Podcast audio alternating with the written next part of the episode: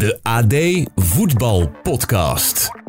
Een nieuw jaar en dat betekent dat teams gaan werken aan hun dromen en hun doelen. Het liefst in het buitenland met de selectie. En dat levert altijd vaak dezelfde verhalen op. Of misschien toch niet helemaal. Je zit 24 uur bij elkaar, is een soort Big Brother. Er, er komt strijd, er komt oneenigheid. Je kan zien wie er als eerste Lazarus wordt. Wie er als eerste ingrijpt als er een Lazarus wordt. En zo kom je inderdaad leuk tot elkaar. Maar kijk, daar heb je geen psycholoog voor nodig. Mits de trainer is met lang haar en grote borsten. Dan is het altijd leuk om op zo'n trainingskamp ook een week mee te nemen natuurlijk. Etienne Verhoef. Hoi, dit is de AD Voetbal Podcast van 2 januari. Vandaag met Sjoerd Massou. Eh, allereerst Sjoerd, maar voor iedereen en ook voor jou de beste wensen voor het nieuwe jaar. En dit moeten we niet de hele week blijven doen. Doe het één keer, daar zijn we er klaar mee, toch? Of niet? Ja, wij zijn, wij zijn de eerste. Ja, we zijn de Kijk, eerste, eh, precies. Ik zit hier nog tussen de resten met oliebollen. en we zitten alweer een podcast op te nemen. Kijk, die jongens in de Premier League, die worden, die worden natuurlijk dik betaald voor al die wedstrijden in de, in de feestperiode. Ja, En, en wij zijn gewoon bescheiden journalisten. Maar we zitten er toch maar weer mooi op 1 januari. zo is het. Ben jij trouwens iemand die het jammer vond dat de eredivisie zo vroeg gestopt is eigenlijk? Als je het voetbal ziet in het buitenland, waar gewoon gevoetbald werd met de kerst en dat soort dingen? Nou, als ik, als ik heel egoïstisch naar kijk, vind ik het eigenlijk wel lekker zoals het is. Omdat ik het ook altijd heel fijn vind en, en prettig vind om, om veel Engels voetbal te kijken in deze periode. Daar heb je dan ook echt de tijd voor. Dat, dat, in het reguliere jaar is dat niet altijd zo. Ja. Het is voor ons natuurlijk ook iets rustiger. Hè? We hebben een paar podcasts van tevoren opgenomen. Overigens, daar moeten we het ook nog even over hebben. Geen specifieke PSV-podcast. Heb ik ook gezien, ja. Ja, Ja, ja, en we komen zo nog op terug. Maar ehm, eh, nee, het is een iets rustige periode, dus dat is op zich wel prettig. En dat is voor, voor die voetballers natuurlijk ook goed. Eh, tegelijkertijd, als je er puur eh, als marketeer naar kijkt, wat ik niet ben, maar Ja. toch, eh, ik verplaats me daar graag in, dan, dan is het natuurlijk best wel gek om niet te voetballen. Eh, iedereen is vrij. Het zou heerlijk zijn om, om op, op eh, zo'n feestdag of, of op een tweede kerstdag of een beetje zo tussen kerst en oud en nieuw nog even lekker naar het stadion te gaan. Ehm, het is in België volgens mij ook wel populair. ja. Daar bevalt het ook goed. Dus voor het voetbal, als je naar puur commercieel en, en marketingtechnisch naar kijkt, zou het heel logisch zijn om het wel te doen. Voor mij persoonlijk eh, vind, ik het, vind ik het prima zo. En dat, dat Engels voetbal is toch ook... Ja, dat, dat heeft natuurlijk wel de, de historie en de traditie.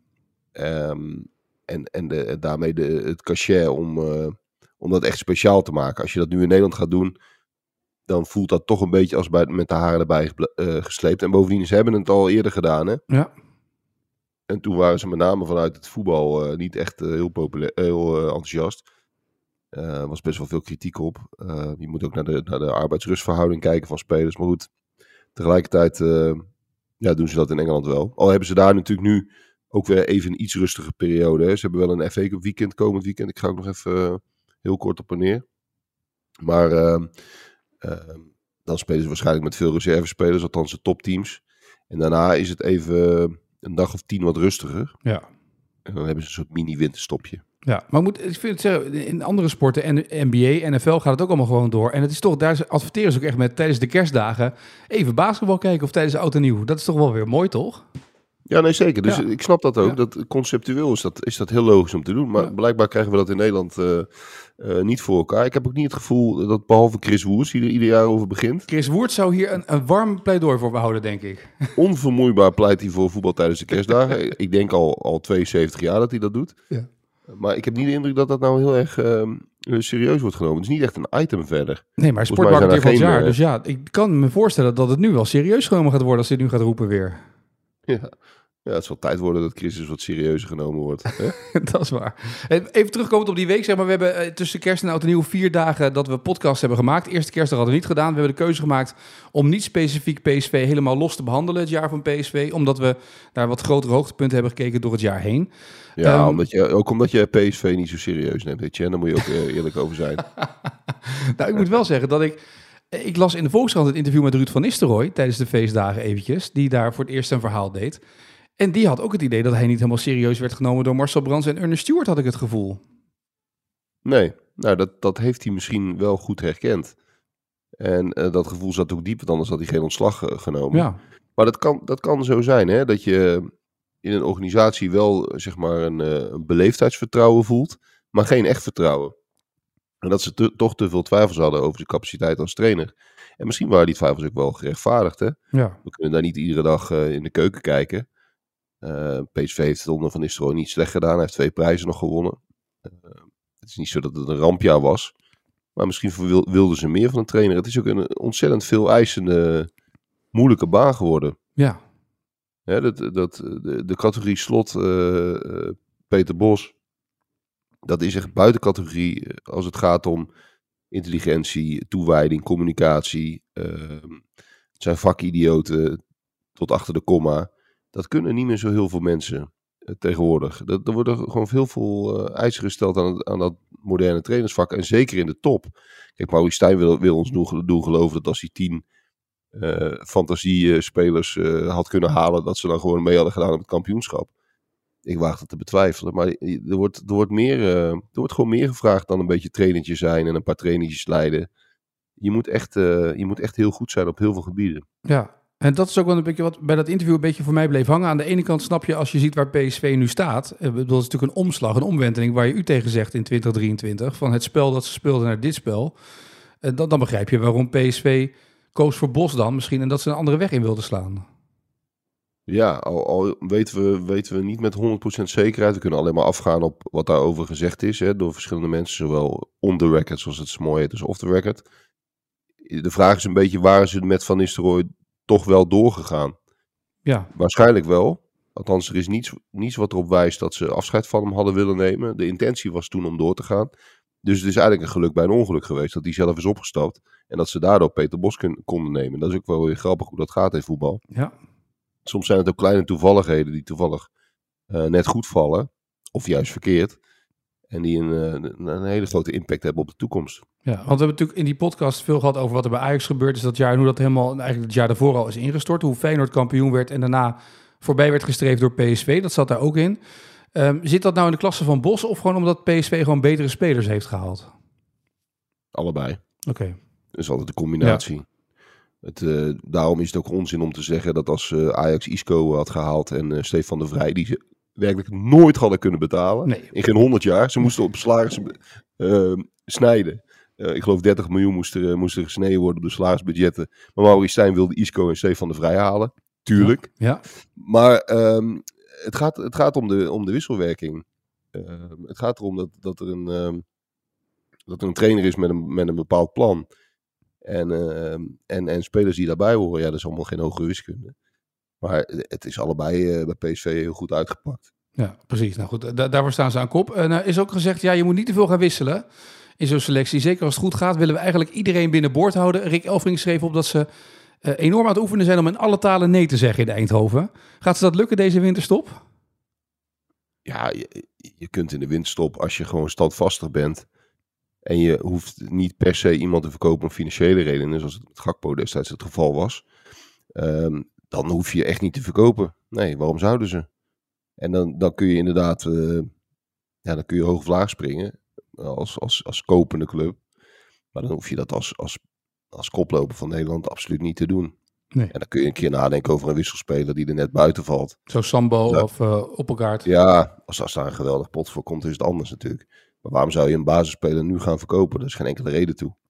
Nee. Nou ja, je ziet natuurlijk vaak dat in de winterstop de ploegen die onderin bungelen, die willen dan nog wat doen in de, eh, om die selectie te versterken. En je hoort bij Bos en ook bij nou, Alex Pastoor eh, deze week in, in Trouw. Die zei ook letterlijk, ja, ik wil helemaal weinig veranderen aan de groepsdynamiek op dit moment. Die is veel te belangrijk voor mij. Dus die groepsdynamiek is ook heilig. Ja, maar andersom kan het natuurlijk ook, hè? Ja, Het, het kan bij, in het geval van Ajax, om, eh, om het even naar Ajax te, te brengen, kan het juist heel goed zijn om spelers kwijt te raken. En dat kunnen ook basisspelers zijn. Dat kunnen spelers zijn die in, in, in het huidige basisteam hun waarde hebben, of die gewoon altijd spelen. Noem even eh, gewoon eh, het meest logische voorbeeld eh, Bergwijn. Ehm, maar dat kan juist de groepsdynamiek enorm ten goede komen. ja, Op het moment dat je daar, daarin gaat verversen. Het is vaak, ehm, en ik, weet niet of we nog op Manchester United komen, maar dat is daar ook een mooi voorbeeld van. straks. Ja, zeker.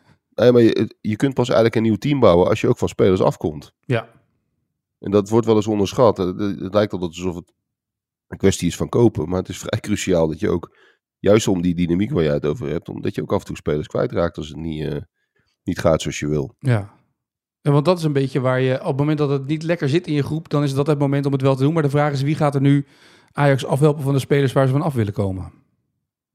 Dat, dat is in een aantal gevallen natuurlijk heel moeilijk. En, en die jongens zijn heel langdurig vastgelegd door Misnitat. Ja, Die daar natuurlijk ook hele gekke beslissingen in genomen heeft. Tegelijkertijd, ehm, zeg maar de categorie, categorie Medic, ja, die- dat, dat type speler. ja, is wel zo dat hij, eh, en dat is wel echt een cruciaal verschil met Manchester United. eh, qua salarissen gaat dat nog. Hè? Want misschien dat moest in een lagere eh, salarisschaal gaan zitten, heeft hij ook gedaan.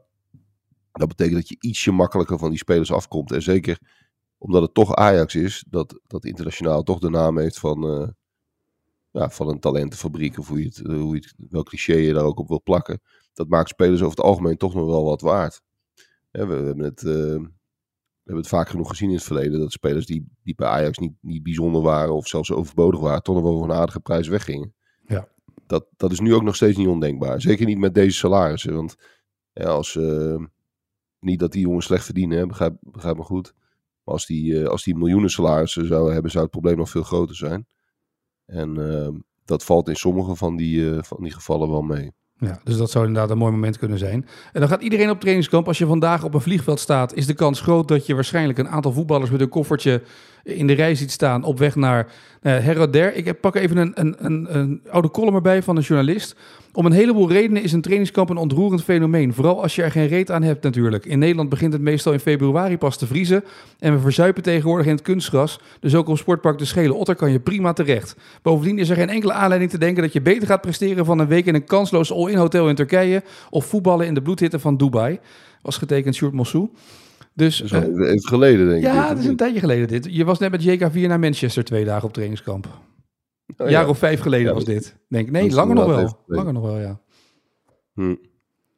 Nee, ja, de, dat trainingskamp heeft, ehm, heeft natuurlijk niet zo heel veel zi- zin. Behalve dat je even de zinnen verzet. Dat is nog steeds zo. En we hoorden in het begin van deze aflevering, eh zo hoorden we René van der Grijp over de romantiek van die trainingskampen. ja. Die is er natuurlijk ook bijna niet meer, hè. Nee, die is er niet. Want de tijd dat, eh, dat die jongens allemaal via de regenpijp naar buiten gingen en dan in een, eh, een Spaanse discotheek tot midden in de nacht eh, de bloemetjes buiten zetten, dat gebeurt echt bijna niet meer.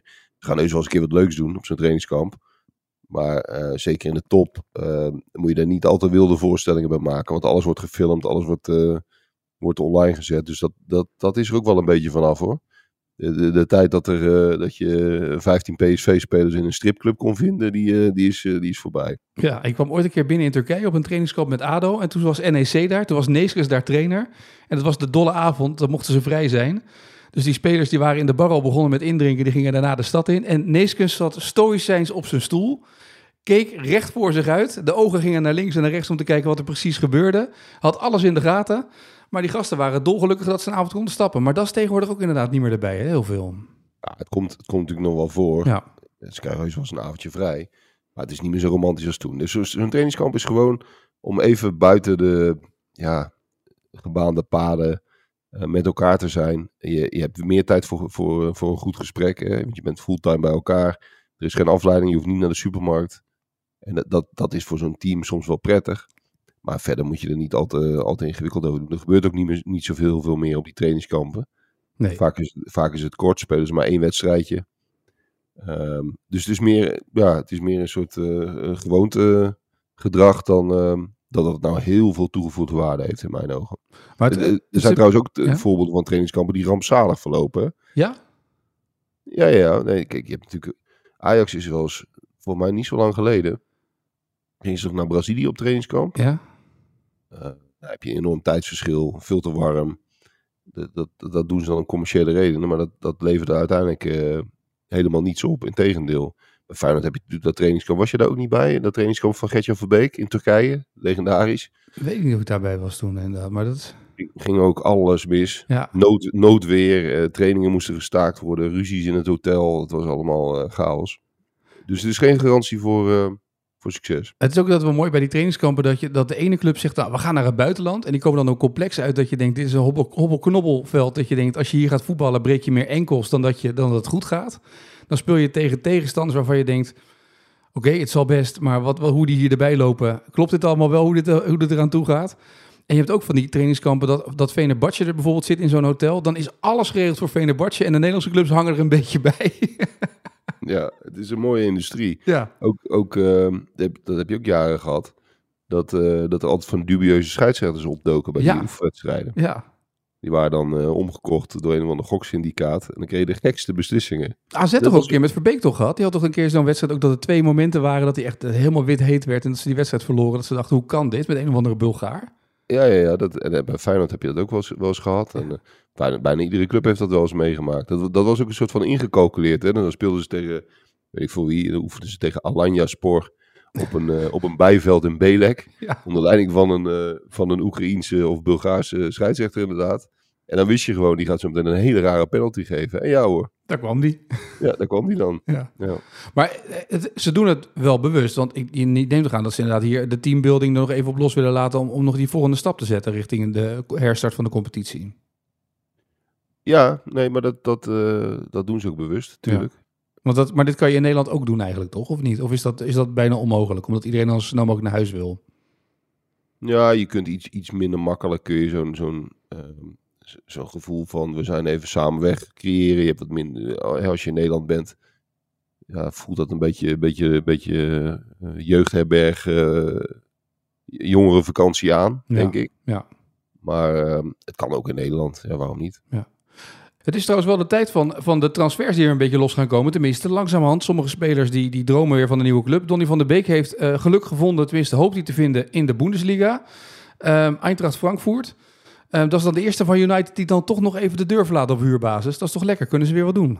Ja, na bijna vier seizoenen. Ja, Ja, ik, ik heb er wel een beetje dubbel gevoel bij. Ik, ik was altijd wel, eh, nou, fan is een groot woord, maar ik vond het altijd een leuke speler. Van de Beek, een leuke jongen ook. En, en die heeft natuurlijk zijn carrière wel een beetje verkloot de laatste jaren. Die, had- die had natuurlijk al veel eerder weg moeten zijn. Mhm. Hij had geen enkel perspectief meer bij United. Toch bij, met- bij een trainer die hem op waarde zou moeten schatten, ja. eh Ten Hag. Maar kwam helemaal niet in de plannen voor. En bleef maar en bleef maar. En die had natuurlijk een geweldig salaris daar. Mhm. Dit, dit- dit zie je bij al die, eh, die types daar, bij United. En, en dan besluiten ze toch maar te blijven. Het is ook vaak voor clubs relatief duur om ze te halen. Speelt ook een rol. Het is niet alleen de keuze van de speler. Maar het is ook de, de, zeg maar de kopende club die er vaak tegenaan loopt dat ze een heel hoog salaris moeten overnemen. En dat willen ze dan vervolgens niet. Ehm, maar het is gewoon zonde dat die jongen... eh, hij heeft 3,5 jaar bij United gezeten. Ehm, het aantal wedstrijden is op, eh, op twee handen te tellen. Ja. En eh, ja, dat is gewoon zonde. Het is gewoon een, was een Nederlands elftalspeler. Ehm, een grote belofte. Ja, die heeft gewoon linksom of rechtsom toch de verkeerde keuze gemaakt voor een hele moeilijke club. Op, een club op zijn retour. Een eh, club waar die eh, veel concurrentie had op de positie waar hij eventueel kon spelen. En waar die eerder minder is eh, geworden dan beter. Dat is gewoon jammer. ja. En dan moet hij dus nu eigenlijk een half jaar zichzelf bewijzen in de Bundesliga. om misschien wel aan een nieuw contract elders te komen eigenlijk. Ja, nou ja, nou, nou is dat niet zo raar. Dat is, dat is geen gekke stap. En Nee. je kunt altijd een keer een tegenvallende keuze maken als speler. Dat is helemaal niet, eh, niet gek. Dat kan een keer gebeuren. Maar dat, dat, ja, dan moet je inderdaad wel daarna eh, de herkansing pakken. En dat is dit, hè. Ja, Maar hij heeft gewoon heel lang eh, bijna niet gespeeld. En, en de Bundesliga is natuurlijk ook een, een topcompetitie. Eintracht Frankfurt is ook gewoon een, eh, een, een grote club. Dus of je daar meteen gaat spelen en dan ook meteen van toegevoegde waarde bent, nou, dat, dat moeten we nog maar, gezi- nog, maar, eh, nog maar gaan zien. ja. Maar verwacht jij nu bij United deze wintermaanden een exodus aan spelers of niet? Nou, ook, eh, dat, dat is wel, wel aardig. Kijk, dat Ineos heeft natuurlijk ehm, een zeggenschap gekregen over het voetbal. Jim Radcliffe heeft een kwart van de aandelen overgenomen. En eh, gaat dat hele voetbalbedrijf opnieuw inrichten. En dat is ook een van de redenen dat Ten Hag voorlopig mag blijven zitten. Ze zien in Ten Hag nou, bij, bij lange na niet het grootste probleem. En de, de buitenwereld vindt dat wel eens gek. En vraagt zich dan steeds af waarom Ten Hag niet ontslagen is. Maar die problemen van die club zijn zo structureel. Kijk, het kan nog, st- nog steeds zijn, laten we niet naïef zijn, als United na de winterstop weer, weer drie keer rij verliest, kan hij er natuurlijk alsnog uitgaan. Hè? Dat, Ja. Laat dat gezegd zijn. Maar de intentie is om hem te houden, omdat de problemen van die club gewoon zo structureel en groot van aard zijn. En dat vinden ze ook bij Ineos. En dat vindt Ten Hag zelf ook. Sterker nog, die, die is daar al, eh, al anderhalf jaar eh, verbeterd mee bezig om daar eh, dingen in, in te veranderen. Ja, dit- er moet gewoon zoveel gebeuren daar op voetbaltechnisch gebied. En inderdaad ook met de selectie. En dat wordt interessant. Dat die selectie helemaal moet worden gerenoveerd en dat er heel veel spelers weg moeten, is duidelijk. Maar de vraag is hoeveel verlies pak je daarmee? En wil je daarmee pakken, Ja. financieel gezien? Er zijn natuurlijk gigantische investeringen gedaan. En er worden gigantische salarissen betaald. Er zal bijgelapt moeten worden door United. wil je eh, van al die spelers afkomen. Of het nou eh, Sancho is, of Maguire, of eh, Martial, die er al jaren en jaren zit. Die was er onder van Gaal notabene Ja, al. precies, ja. Lu- Luke Shaw en al die, al die types die er al zo lang zijn.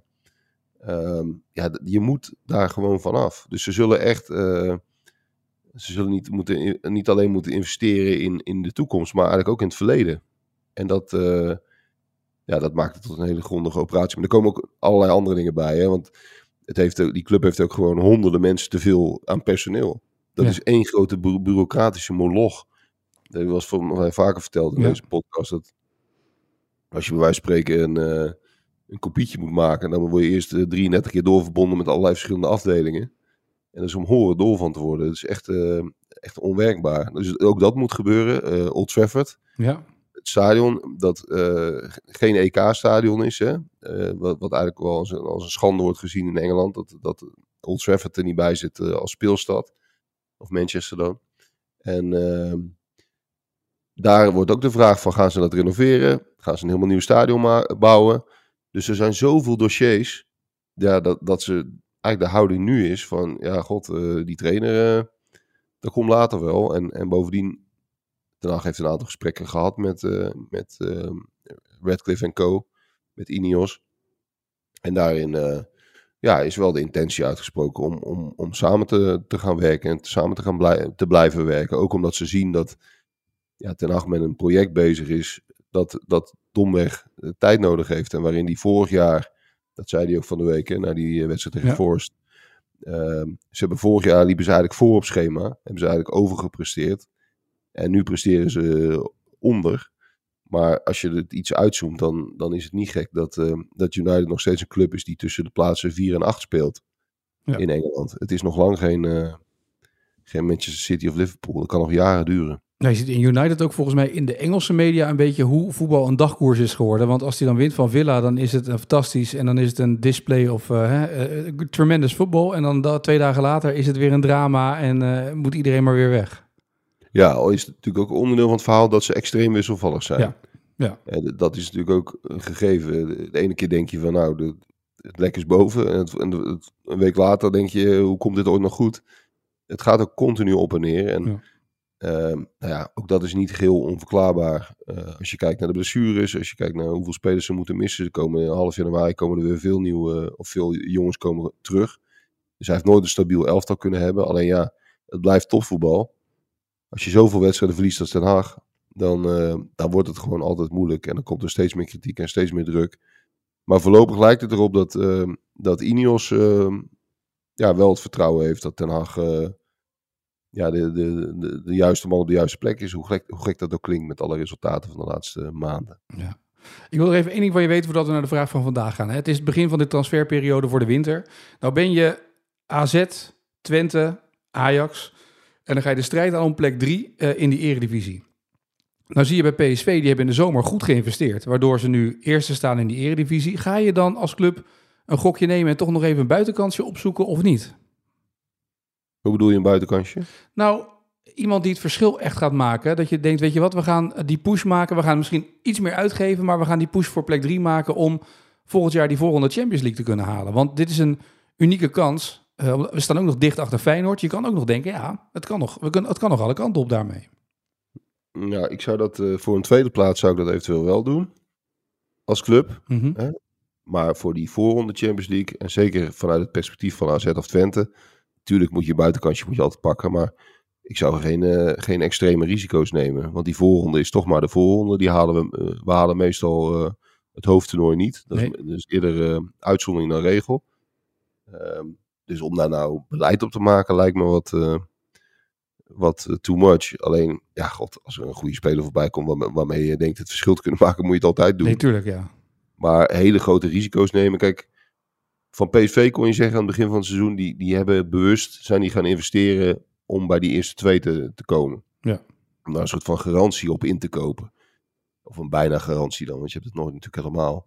Ehm, en, en vanuit Feyenoord perspectief, je moet gewoon echt zorgen dat je tweede wordt. En dat moet ook makkelijk kunnen met het materiaal dat ze hebben. Maar bij Feyenoord kan ik me ook nog wel voorstellen dat ze daar eh, eh, naar een buitenkansje zitten te kijken. Om in ieder geval de kans op succes zo groot mogelijk te maken en te houden. Ja. Ehm, maar daaronder, nou ja, wat ik al zei. Ik zou er geen, geen eh, grote risico's in nemen. Dat, daar is het gewoon te onzeker voor. Als Twente de voorronde van de Champions League haalt, ja, en ze loten, weet ik veel wat, Arsenal Ja, precies. of Aston Villa, dan, dan is het gewoon weer voorbij. Ja, dat is waar. Goed, nou, dat gezegd hebben, dan gaan we tot slot van deze dagelijkse eh, podcast naar onze dagelijkse rubriek, de vraag van vandaag. De vraag van vandaag. En in jouw short de eer om de eerste van het nieuwe jaar eh, af te trappen. Leuk.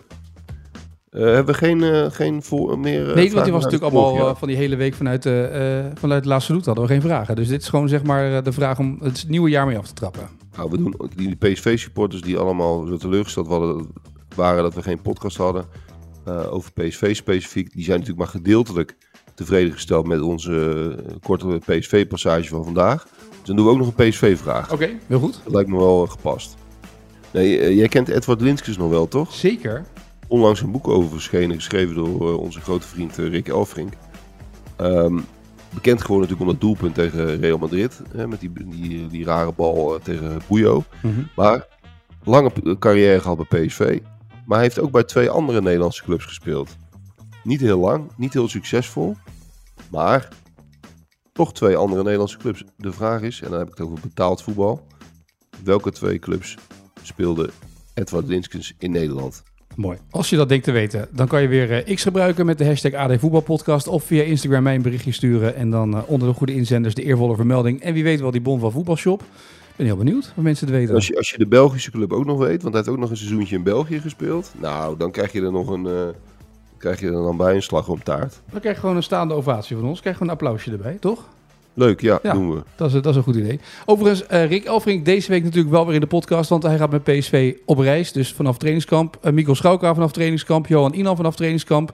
Leon ten Voorde vanaf trainingskamp. Kortom, de hele week is de AD Voetbalpodcast bij de trainingskampen van de diverse clubs. Dat Dus, is wel het goede aan, aan die trainingskampen. Natuurlijk dat die journalisten lekker een weekje weg mogen. Is ook goed voor ze. Ja, Gemiddeld verder is, het, verder is het nutteloos. maar eh, Leon, eh, Johan, eh, Mikos en eh, Rick, die komen lekker, eh, lekker even tot, tot rust. Die komen, precies. tot adem. Nou, ik denk dat Rick niet tot adem kwam. Rick eh, Elfrink kennende, die schrijft 581 stukken van elk ding dat er gebeurt op trainingskamp. Jawel, maar dat gaat hij wel in het zonnetje doen nu. Dat is wel waar. Dat scheelt toch, hè? Dat is toch lekker. Even dat zonnetje erbij. Absoluut. De hele week dus de AD Voetbalpodcast vanaf de diverse locaties. Eh Sjoerd, dankjewel. Ik wens je een mooie dag en tot de volgende. Yes.